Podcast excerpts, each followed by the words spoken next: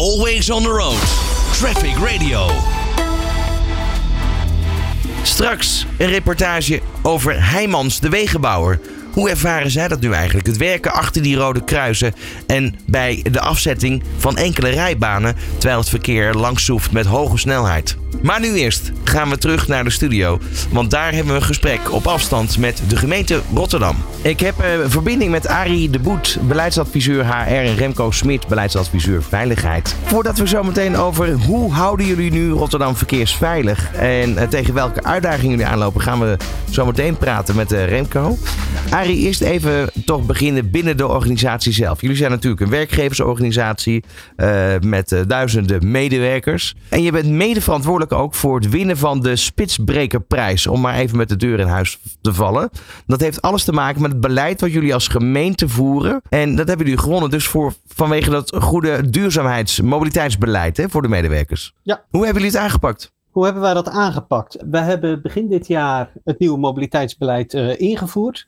Uh, vanaf 1 januari uh, geldt dat. En dan langs drie pijlers. We stimuleren één duurzaam en gezond reizen.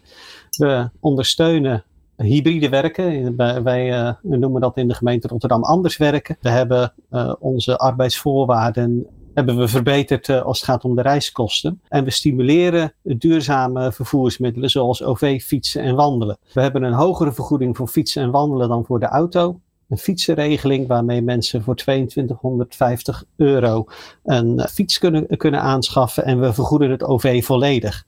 En wat we daarnaast hebben is dat we geen vaste vergoedingen geven. dus het is niet meer zoals uh, voor corona een, uh, een, vaste vergoeding per maand. Maar je krijgt een vergoeding op basis van de daadwerkelijk gemaakte reis. En de hoogte van die vergoeding is ook nog afhankelijk van het vervoermiddel.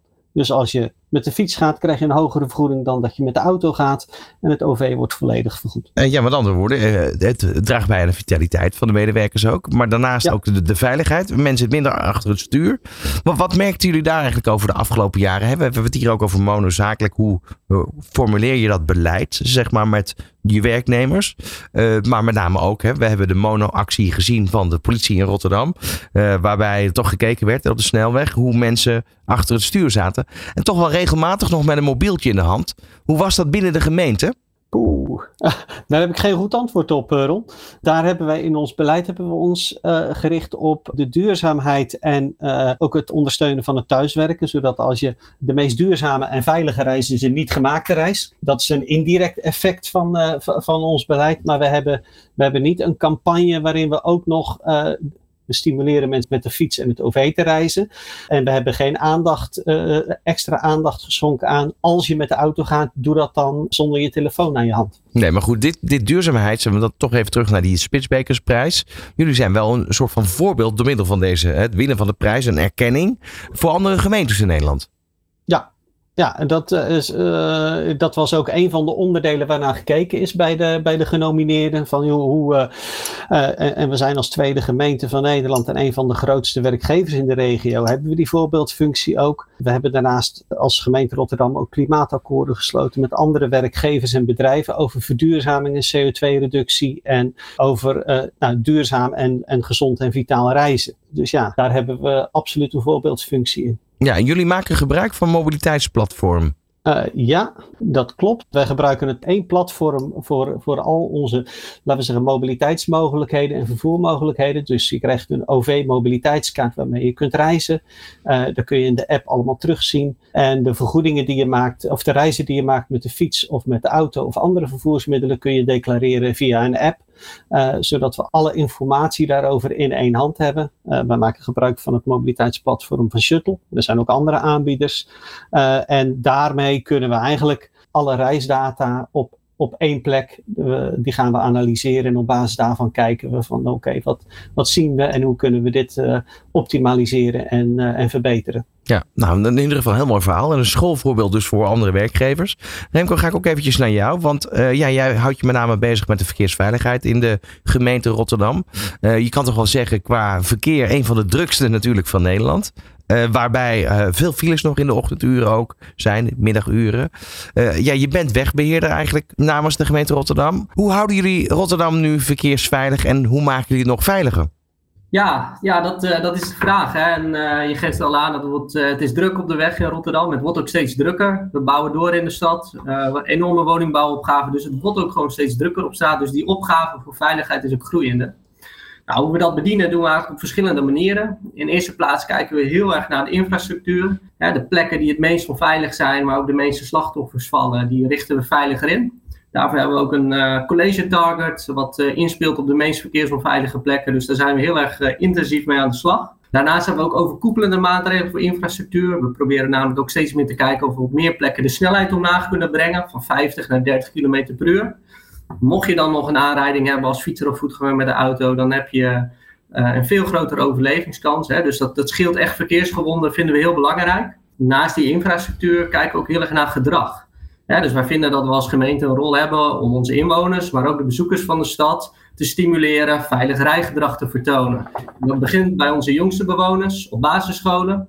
We zijn als gemeente aan de slag om al onze basisscholen te verbinden aan een verkeerseducatieprogramma. Dus dat ze verkeerslessen krijgen, dus dat ze vanaf jongs af aan al leren om veilig uh, rijgedrag te vertonen.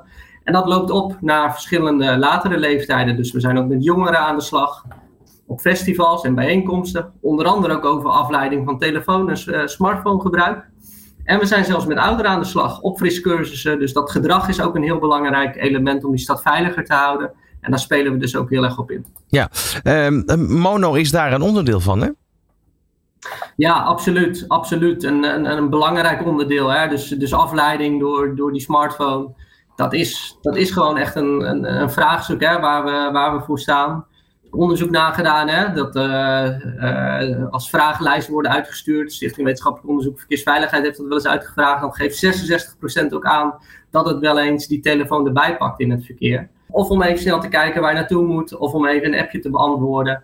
En uh, ja, dat brengt grote risico's met zich mee. Want ik gaf het al aan, die stad wordt steeds drukker. Dus je kan je gewoon niet veroorloven om even op die telefoon te kijken. Ook als je op de fiets zit bijvoorbeeld. Dus uh, ook op de fietspaden neemt de drukte toe. En uh, ja, alertheid is uh, onwijs belangrijk. Ja, nu hebben we de reportage kunnen horen ook van de monoactie met de politie in Rotterdam. Uh, dat zit ook hier in, in deze aflevering natuurlijk. Um, in hoeverre is dat bij jullie zeg maar, binnengekomen? Want gaat, heb je daar iets mee te maken als ja, degene die belast is met de verkeersveiligheid in de stad? Ja, zeker. Zeker. Verkeersveiligheid is een samenspel met verschillende partners. Dus we hebben heel veel contact met de politie in Rotterdam. Ja, dus je probeert elkaar aan te vullen. Wij als gemeente zeggen eigenlijk gewoon, joh, wij moeten opvoeden en ook vertellen hoe het, hoe het zou moeten. En de politie is er om eventueel aan de achterkant te handhaven. Uh, maar wij vinden wel dat de voorkant op orde moet zijn. Dus als je niet uitlegt wat de regels zijn en hoe je moet gedragen, ja, dan is het ook niet fair om heel erg in te zetten op die handhavingskant. Dus dat gaat hand in hand. En dat, dat proberen we ook goed op elkaar uh, af te stemmen. Ja, nou is Arie natuurlijk mede verantwoordelijk voor het winnen van die Spitsbrekerprijs binnen de gemeente Rotterdam hè, als organisatie. Uh, wat kunnen andere uh, ja, bedrijven hier nou eigenlijk mee met de informatie die we nu net gehoord hebben? Is dat iets wat je als, als verkeersveilige in Rotterdam met, met bedrijven, grote werkgevers ook bespreekt? Uh, ja, uh, zeker. Hè? Dus wat, wat heel erg fijn is, is dat wij zelf als organisatie ook het goede voorbeeld geven om actieve en gezonde vormen van mobiliteit te stimuleren voor de eigen werknemers. Dat onderschatten we wel eens. Dat draagt namelijk heel erg bij aan die verkeersveiligheid. Ja, wij noemen dat wel eens de mobiliteitstransitie waarin we zitten. En dat is zeker voor onze steden heel erg van toepassing, waarin we zeggen van joh, het mag wel wat minder autoverkeer, van het past gewoon niet meer in de stad. En dat is ook niet altijd veilig om autoverkeer met hoge snelheden door de stad uh, te sturen. Het mag wel wat meer fietsen en OV-gebruik zijn. De fiets is ook een hele, uh, heel efficiënt vervoersmiddel als je kijkt naar de ruimte die het inneemt in onze openbare ruimte. En dat draagt allemaal bij aan, aan die verkeersveiligheid. Uh, we willen wat minder conflicten met gemotoriseerd verkeer zien. En we willen wat meer ruimte faciliteren voor de fiets, voor de voetganger. En ook het OV speelt natuurlijk een, eh, een belangrijke rol. Dus ja, indirect draagt dat heel erg bij aan het toewerken naar meer leefbare en verkeersveilige steden. Beleid wat je voert voor, hè, dus echt specifiek mobiliteit voor werknemers, is daar gewoon een belangrijk middel in waarmee je kan toewerken naar die, uh, naar die transitieresultaten. Exact. Um, tot slot nog eventjes een vraag. Want uh, een, stad als Rotterdam kan niet zonder de omliggende ringwegen, belangrijke infrastructurele ja, verbindingen binnen de stad. maar die moeten ook wel eens onderhouden worden. En nu hebben we in deze aflevering natuurlijk ook de wegenbouwer Heijmans aan het woord. We steken nog, ik ben mee geweest met ze op reportage. Hoe, kijken jullie naar of je een weg wel of niet kan afsluiten of dat het vaak um, alleen stroken zijn? Ja, uh, dat, dat, dat is een mooie vraag. Hè? Hoe, hoe, kijken we daarna?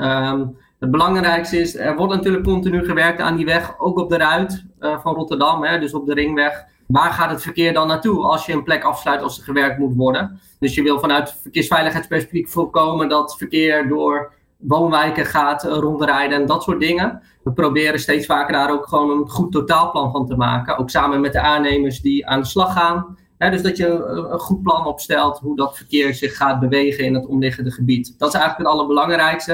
En of dat nou alleen een rijstrook afsluiten is of een hele weg, maakt niet zoveel uit. Als er maar goed genada, uh, nagedacht wordt over de effecten van die tijdelijke afsluiting. Mag ik jullie beiden bedanken. Arie ook voor uh, ja, het voorbeeld eigenlijk wat jullie binnen de gemeente Rotterdam allemaal doen om het allemaal duurzamer te maken, het mobiliteitsbeleid. En uh, Remco ook over de verkeersveiligheid in de gemeente Rotterdam. Graag gedaan. Yes, graag gedaan. Always on the road. Traffic Radio.